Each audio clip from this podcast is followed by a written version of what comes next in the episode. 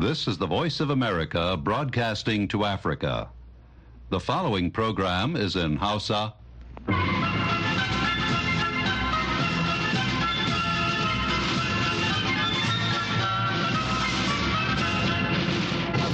Sashen Hausa na muryar Amurka ne kuka lalabo daga nan birnin Washington DC.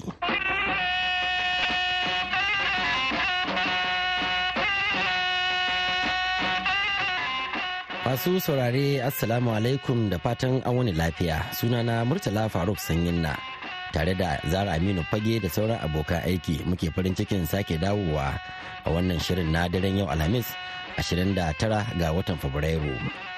a cikin shirin namu na yanzu za ku ji cewa shiya ta uku ta rundunar sojin najeriya da ke jos ta kafa wata kotun musamman ta soji domin gurfanar da jami'anta da suka aikata manyan laifuka a jamhuriyar nijar kuma hukumomi wato hukumomin mulkin sojin ƙasar sun nemi goyon bayan hukumomin gundumomi domin yaƙi da matsalar tsaro da ake fuskanta a sassan ƙasar muna nan tafi da shirin yanayi da muhalli to amma fa duk kafin waɗannan sai mun fara da labaran duniya tukunna.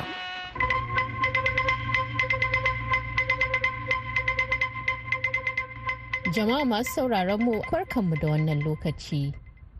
Likitan shugaba Joe Biden ya ce shugaban na Amurka mai shekaru 81 yana cikin ƙoshin lafiya kuma zai iya gudanar da ayyukansa na shugabanci kamar yadda doka ta tanada a cewar wata sanarwa da fadar White House ta fitar. sanarwar wacce fadar ta fitar a ranar laraba na zuwa ne bayan da biden ya je duba lafiyarsa kamar yadda ya saba a kowace shekara a kuma daidai lokacin da wasu ke ikirarin yana da matsalar mantuwa. He passes a cognitive test every day, every day, as he moves from one topic to another topic, try understanding topics. Likitan na Biden ya kara da cewa binciken da ya gudanar ya nuna shugaban na Amurka ba shi da wata sabuwar damuwa game da lafiyarsa. A ranar Laraba Biden ya je asibitin soji na Walter Reed a nan birnin Washington DC don duba lafiyarsa. wannan shine karo na uku da yake zuwa likita ya duba shi tun bayan da ya hau karagar mulki yayin da wasu ke nuna damuwa kan yawan shekarunsa duba da cewa yana neman wa'adi na biyu ma'aikatar lafiya a gaza ta ce hare-haren isra'ila sun kashe akalla mutane 104 tare da raunata wasu ɗaruruwa a daidai lokacin da wani gungun falasdinawa ke jiran agajin jin kai a birnin gaza. Lamarin ya faru ne a unguwar alnabusi da ke yammacin birnin. A wata sanarwa da rundunar sojin isra'ila ta fitar ta ce mutane da dama ne suka jikkata sakamakon turmutsitsi yayin da jama'a ke ƙoƙarin ɗaukar kayan agaji daga manyan motoci a lokacin da kayan suka isa arewacin gaza. Rundunar ta kara da cewa tana bincike a kan lamarin. A gefe guda kuma dakarun tsaron isra'ila sun bar da rahoton cewa sun kai wani samami ta ƙasa a arewacin gaza da kuma hare-hare ta sama a yankin kan yunis da ke kudancin yankin. A safiyar yau alhamis ma'aikatar lafiya a gaza ta ce adadin falasdinawa da aka kashe a hare-haren isra'ila ya haura zuwa akalla dubu talatin da talatin da biyar yayin da wasu dubu saba'in da dari huɗu da hamsin da bakwai suka jikkata. Shugaban rasha vladimir putin ya gargaɗi ƙasashen yammaci kan abin da zai biyo baya idan har suka tura dakarunsu zuwa ukraine. Yana mai cewa ƙasarsa tana da makaman da za su kai hare-hare a yankunan ƙasashe na yammaci. A farkon makon nan shugaban faransa emmanuel macron ya ce duk da cewa babu wani shiri na tura sojojin ƙasashe zuwa ukraine amma akwai yiwuwar aukuwar hakan. Macron ya faɗa wa manema labarai cewa babu wata matsaya da aka cimma ta tura wani jami'i zuwa ukraine amma bisa yadda al'amura ka iya canzawa akwai duba yiwuwar hakan. Kasashen nahiyar turai da dama sun soki wannan shawara ta macron kamar yadda ita ma amurka ta yi. A halin da ake ciki shugaban ukraine vladimir zelensky ya faɗa a ranar laraba cewa makomar nahiyar turai na ƙoƙarin komawa hannun mamayar da rasha ta yi wa kasarsa alkalai a kotun hukunta manyan laifuka ta icc sun yarda da hukuncin biyan diyar sama da euro miliyan 52 kwatankwacin dala amurka miliyan 56 ga dubban mutane da ƙungiyar 'yan tawayen uganda ta lord resistance army ta azabtar. Kusan mutane dubu hamsin wannan umarnin na kotun ta icc ya shafa kuma sun hada da tsofaffi yaran da aka bautar da su ta hanyar tilasta musu shiga aikin soja da yaran da aka haifa sakamakon fyaɗe da kuma matan da aka tilasta musu suka samu juna biyu. An samu dominic ongen da laifuka 61 shekaru uku da suka gabata waɗanda suka hada da kisan kai fyaɗe auren dole da tilasta wa yara aikin soja a shekarar 2002 zuwa 2005 wani kwamitin ɗaukaka ƙara na kotun ta icc ya amince da hukuncin ɗaurin shekaru 25 a ƙarshen shekarar 2022 inda ya kafa matakin neman biyan diya. Majalisar Ɗinkin Duniya ta buƙaci gwamnatin Taliban a Afghanistan da ta gaggauta dakatar da aiwatar da hukuncin kisa da bulala da ake yi wa mutane da aka samu da laifin kisan kai da sauran laifuka. Wannan allah wadai na majalisar na zuwa ne a daidai lokacin da mahukuntan taliban suka kashe wasu mutane uku ta hanyar harbin bindiga a filayen wasanni na ƙasar ta afghanistan a cikin garuruwa da dama a cikin makon da ya gabata a gaban ɗaruruwan 'yan kallo. A cikin wata sanarwa da ta fitar a ranar laraba ofishin kare haƙƙin bil'adama na majalisar ɗinkin duniya da ke geneva ya ce yayi matuƙar kaduwa da yadda ake aiwatar da hukuncin kisa a bainar jama'a tare da bayyana su a matsayin wani nau'i na rashin tausayi da rashin mutunta ɗan adam da wulaƙanta hukunci. Ƙungiyar Taliban ta fito fili ta zartar da hukuncin kisa kan wasu mutane biyar da aka same su da laifin kisa tun bayan da suka ƙwace iko a Afghanistan a watan Agustan shekarar 2021. Sannan kuma sun yi bulala ga ɗaruruwan mutane da suka hada da mata saboda aikata laifuffuka kamar sata, fashi da kuma lalata.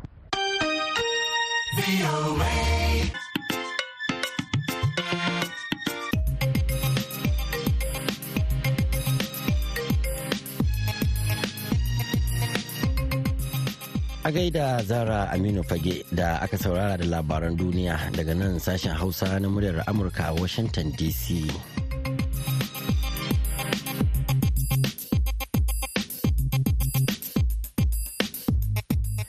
Yanzu kuma sai taskar rahotanninmu.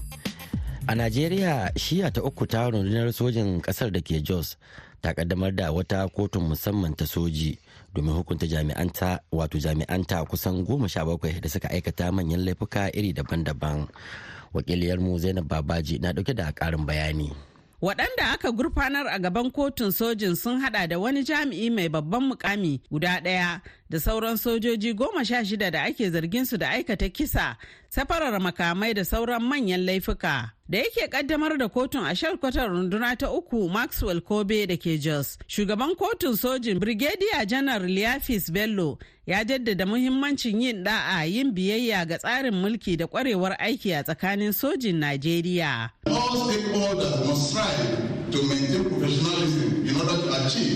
the common goal of unhindered justice and fairness to everybody. Brigadier Janar Bello ya ce kotun za ta yi adalci wajen tabbatar da dukkan waɗanda ke da ruwa da tsaki sun bi ƙa'ida wajen yin hukunci da adalci ga kowa. Al'ummar jihar Plateau sun yi na'am da matakin da rundunar sojin ta ɗauka. Shugaban ƙungiyar da ke samar wa 'yan adam 'yanci mai suna Yava, Comrade Pokim Jacob Choji, ya ce dama can jama'a wasu lokatai na kokawa da wasu gurɓatattun jami'an tsaro. Akwai lokacin da yawa da ana dinga cewa ai jama'an tsaro suna haɗa kai baki da masu miyagu da ba kyau domin a gan cewa an ci amanan al'umma. Ba wai jama'an tsaro ne kawai na sojoji ba har da na su police da saura da ana zage cewa wai suna yin wannan. So yau da aka gan cewa an fara ɗaukar mataki in har kana da wani magana da akan cewa wai soja ko police ya yi kaza za a iya aje a kai kara. Don an sani cewa in an kai kara akwai mataki. A ɗayan ɓangaren kuma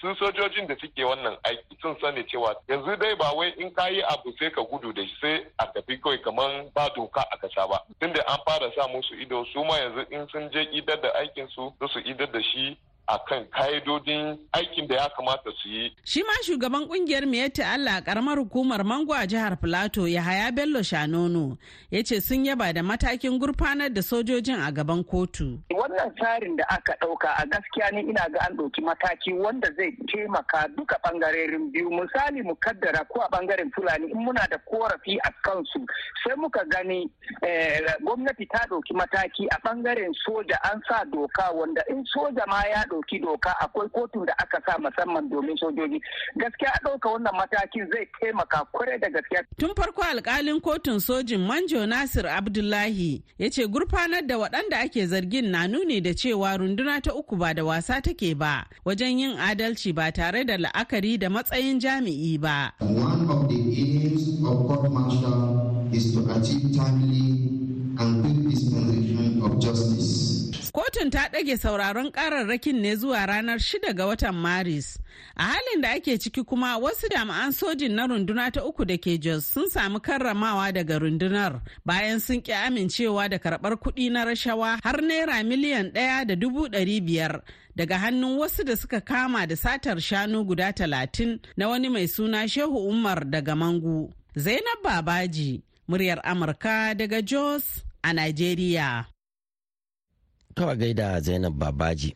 Idan muka koma a ƙasar jamhuriyar Nijar kuma gwamnatin mulkin sojin ƙasar ta nemi haɗin kai da goyon bayan ƙananan hukumomi na gundumomin ƙasar su 265 domin tunkarar kalubalen tsaro da ke ci gaba da addabar wasu yankunan ƙasar. Daga difa ga rahoton wakilinmu Haru Sule Rashidu.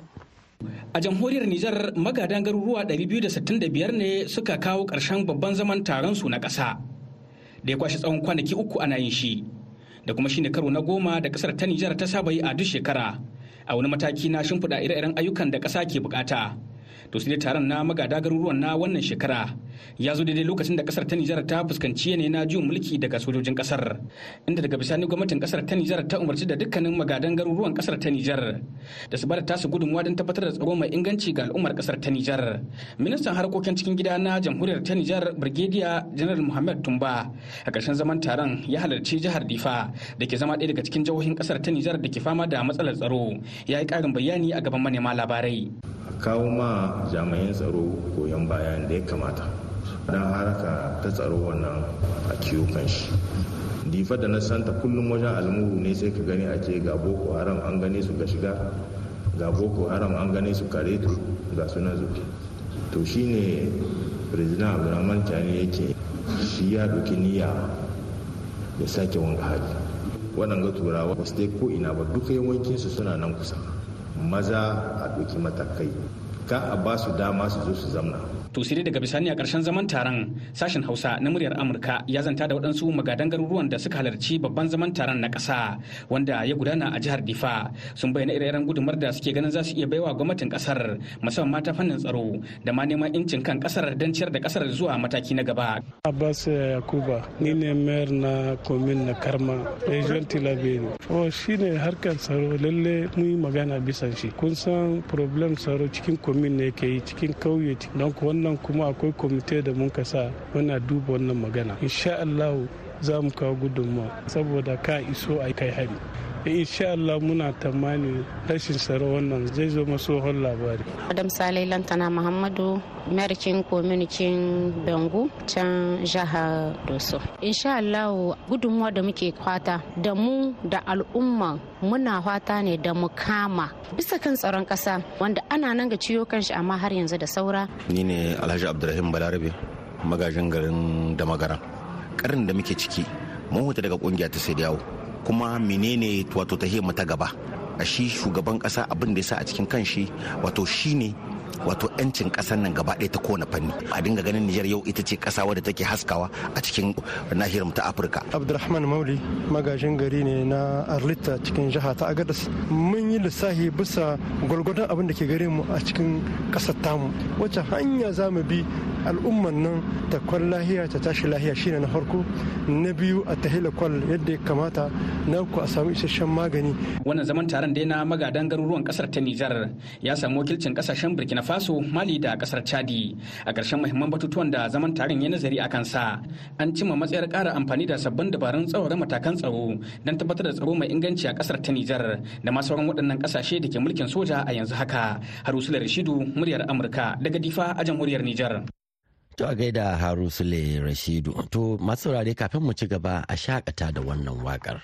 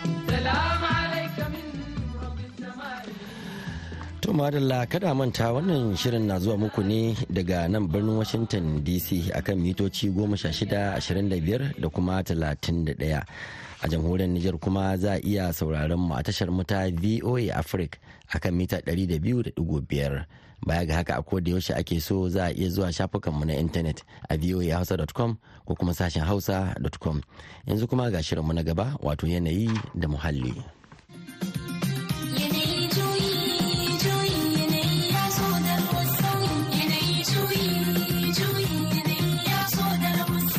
Mai sauraro Assalamu alaikum.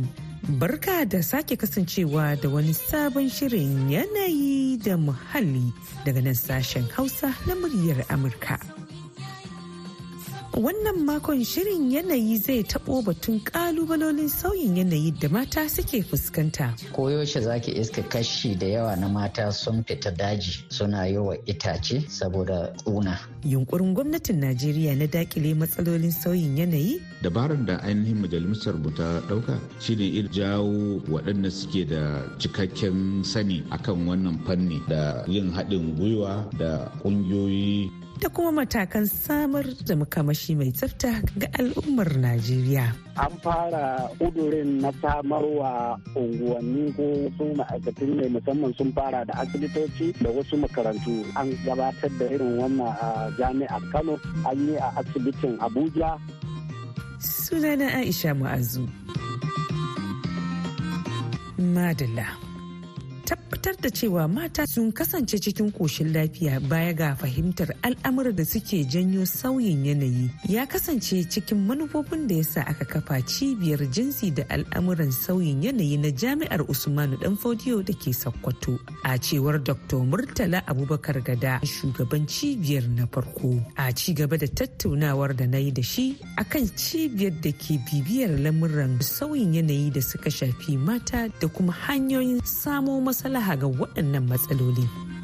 akwai matsaloli da ire-iren wasu santoci masu kama da ita a wasu jami'o'i da kuma wasu wurare suke fuskanta. Dole sai mun gano su wane ne abokanin tafiya waɗanda za mu iya haɗa gwiwa da su domin cimma nasarar abubuwan da take ƙoƙarin ta yi. Gaskiya ga yanzu kusan sanin kowa ne ce ya mata a arewacin najeriya an bar mu a baya. Ta fannoni da dama sana'o'i harka ayyuka aida na gwamnati da kasuwanci. Kusan an bar mu a baya sosai. To gaskiya wannan santa tana da kudurin ta yi bincike ta ga wani irin gibi ne tsakanin jinsuna maza mata sannan menene ya kamata a ce an yi domin magance irin waɗannan matsaloli? Na biyu kusan mata sun ƙunshi kashi mafi yawa waɗanda suke amfani da albarkatun ƙasa. So da yawa zaki iske matsalolin da ake fuskanta na canjin yanayi ya samo asali ne na yadda muke amfani da su waɗannan albarkatun ƙasa ba tare da la'akari da illar da abin yake haifarwa ga muhalli ba.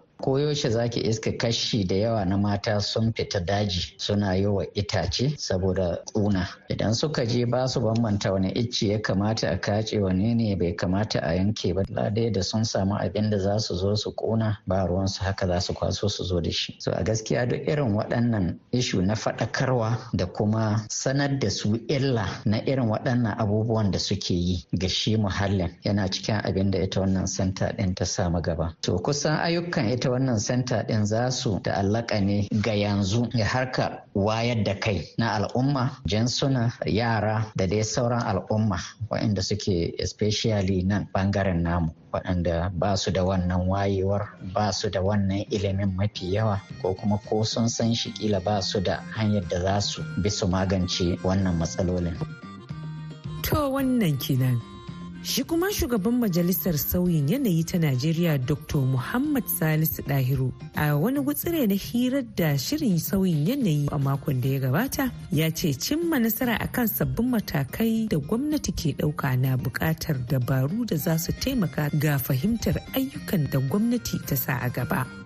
alal hakika duk wani abu da za a yi shi idan sabo ne zai buƙaci wayarwa jama'a kai sa'an nan kuma zai buƙaci tallafawa ta hanyoyi da yawa domin wasu ma sai an koya musu wasu darussa domin su zama ƙwararru a wannan hanya. Dabarar da ainihin majalisar mu ta ɗauka shine irin wannan mataki da muka ɗauka na jawo waɗanda suke da cikakken sani akan wannan fanni da yin haɗin gwiwa da ƙungiyoyi waɗanda sun riga sun jajirce domin su ba da tallafi su ba da goyon baya a yada wannan sabuwar fasaha. Kuma cikin yadda ubangiji muna ganin alamun nasara. Domin wannan taro da muka yi mun shirya shi ne don baiwa mutane kaman guda hamsin ko tsanani sittin damar shiga wannan taro. Amma a ƙarshe mun sami mutane kusan ɗari biyu da sama. Alama ce cewa mutane suna da niyya su ga cewa an kammala wannan abu da wuri domin kowa ya shiga kuma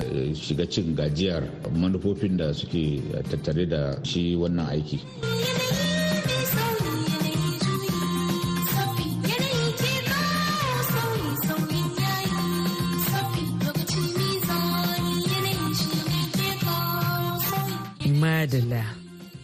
Nasa ɓangaren kuma babban sakataren cibiyar kare muhalli ta africa foundation for environmental and climate change alhaji lawal yakubu gada ya ce sai gwamnati ta ƙudiri niyyar ɗaukan matakai kafin a kai ga wadatar da al'umma da makamashi mai tsafta yana iya yiwuwa shi ma makamashi na sola din shi ma a mishi wani abu kamar transformer na inda 'yan unguwa guda za su amfana daga wannan tushe na samar da wuta? Sosai shi ne yanzu aka ce ma mini grid. Yanzu akwai shiri da ake yi wanda african development bank sun ka ba da tallafi wa najeriya ta hanyar wata hukuma da ake kira rural electrification agency.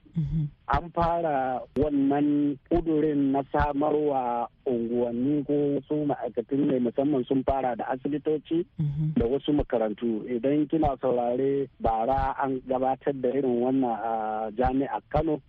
An yi a asibitin abuja an yi a wurare daban-daban a cikin najeriya. To ana iya yin wannan in an yi niyya. Domin sai mutum ya kudurta cewa ina son in yi kaza ina son in samar da kaza. Kamar yadda germany suka fara sun kudura cewa oke daga yau zuwa shekara biyu masu zuwa muna son ofisoshinmu kashi goma cikin ɗari su zama sola ke ba su wuta. Kika ta nan ne za a fitar da kuɗin yin wannan. To in ba a yi niyyar ba ba za a taɓa yi ba. Dole sai an yi kuduri na cewa an yi ana son a cimma kaza. To in ba a fitar da wannan plan ɗin ba ko strategy ɗin ba to ba za a iya samarwa ba. Abin da yake faruwa yanzu Najeriya musamman gwamnati mai ci yanzu kamar ba ta ɗauki wannan makamashi mai tsafta ba da muhimmanci domin ni sai an samu niyya domin gwamnati ita ce za ta ba da alƙibla sannan kuma ta ba 'yan kasuwa dama su ma su shiga a dama da su To a duk lokacin da aka ce abu yana da alfanu idan ka duba za ka gani kusan yana da akasin haka. Batun batiran sola da kuma shi panel ɗin da ake sanyawa domin ya ba da wutar. Waɗansu suna da ra'ayi cewa shi ma nan gaba zai zo ya zama shirgin kaya. wannan end of life ake ce ma wannan wato ƙarshen rayuwar waɗannan sassa na samar da makamashi ko component din. Haka. to ai yanzu already an samu yadda ake sarrafa su bayan sun kare amfani. Ana sake mai da su a sake sabunta su. Na farko kenan. Na biyu ana kasassara su a fitar da sanadaran daban-daban. To yanzu duk an samu hanyoyi masu inganci na maganin matsalarsu illa kawai a daina jefar da su kawai a shara. Yanzu a najeriya ɗin nan idan batirinki na sola ya mutu yanzu akwai kamfanoni a waɗanda ke sayan tsohon batiri daga dubu talatin zuwa dubu hamsin na naira. Kuma akwai ma'aikatan ne guda biyu yanzu da suke kula da wannan waton nasariya nigeria environmental regulatory agency suna kula da wannan ishu na tattara. da kayan yawa na tattara waɗannan sanadarai Mai sauraro abin da lokaci ya ba mu dama kenan a cikin shirin yanayi da muhalli na wannan makon. Ta zuwa makon gobe idan an tara da mu za a ji irin fafutukar da mata suke yi wajen samar da makamashin girki mai tsafta wanda ke daga cikin abubuwan da ke haifar da cututtuka ga mata baya ga gurɓata muhalli da yake yi. Yanzu a madadin dokacin ma'aikatan sashen hausa na muryar amurka da kuma duk waɗanda aka ji muryoyinsu dr murtala abubakar gada dr salisu dahiru da kuma alhaji yakubu lawal gada sai kuma julie leathers gresham da ta daidaita mana sauti ni aisha mu'azu da na shirya kuma na gabatar nake cewa mu haɗu a shiri na gaba. To madalla a gaida Aisha Mu'azu. To da wannan kuma muka zo ga shirinmu na ƙarshe wato labarai a taƙaice.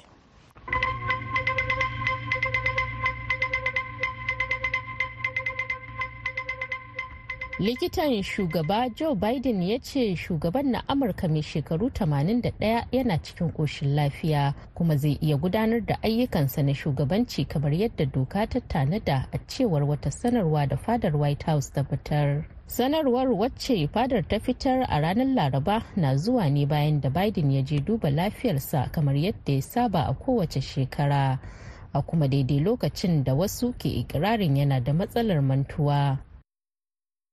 Ma'aikatar lafiya a gaza ta ce hare-haren isra'ila sun kashe akalla mutane 400 tare da raunata wasu ɗaruruwa a daidai lokacin da wani gungun falasdinawa ke jiran agajin jin kai a birnin gaza. Lamarin ya faru ne a unguwar alnabusi da ke yammacin birnin.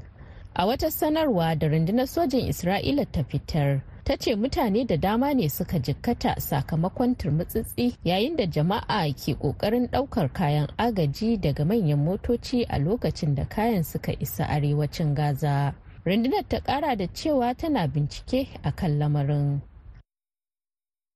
Shugaban rasha vladimir putin ya gargaɗi ƙasashen yammaci kan abin da zai biyo baya idan har suka tura dakarunsu zuwa ukraine. Yana mai cewa ƙasarsa tana da makaman da za su kai hare-hare a yankunan ƙasashe na yammaci. A farkon makon nan shugaban faransa emmanuel macron ya ce duk da cewa babu wani shiri na tura sojojin ƙasashe zuwa ukraine amma akwai yiwuwar aukuwar hakan. To masu saurare da haka muka kawo ƙarshen shirin namu na wannan lokaci sai kuma gobe da safe idan Allah ya kai mu za a ji mu ɗauke da wasu sababbin shirye-shirye. Kafin mu yi sallama muna son isar da saƙon taya murna ga iyalan Alhaji Muhammad Sani Kanya da na Alhaji Usman Shehu Abba bisa auren 'ya'yansu Abdulrazak Usman da Zainab Muhammad Kanya wanda za a ɗaura a gobe Juma'a ɗaya ga watan Maris na shekara ta 2024. A masallacin juma'a na tunawa da sardauna da ke unguwar dosa a kaduna da fatan allah ya ba su haƙurin zama tare mai sanya albarka da alkhairi a wannan auren.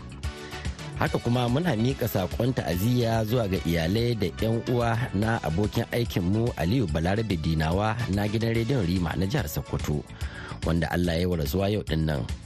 Muna miƙa ta'aziyya ga shugabanni da dukkan ma'aikatan hukumar kafafen yada labarai ta jihar sokoto da ma dukkan kafafen yada labarai da ke jihar ta sokoto akan wannan babban rashi da aka yi da fatar allah ya ji kansa da gafara ya kuma ba da haƙurin jure wannan rashin.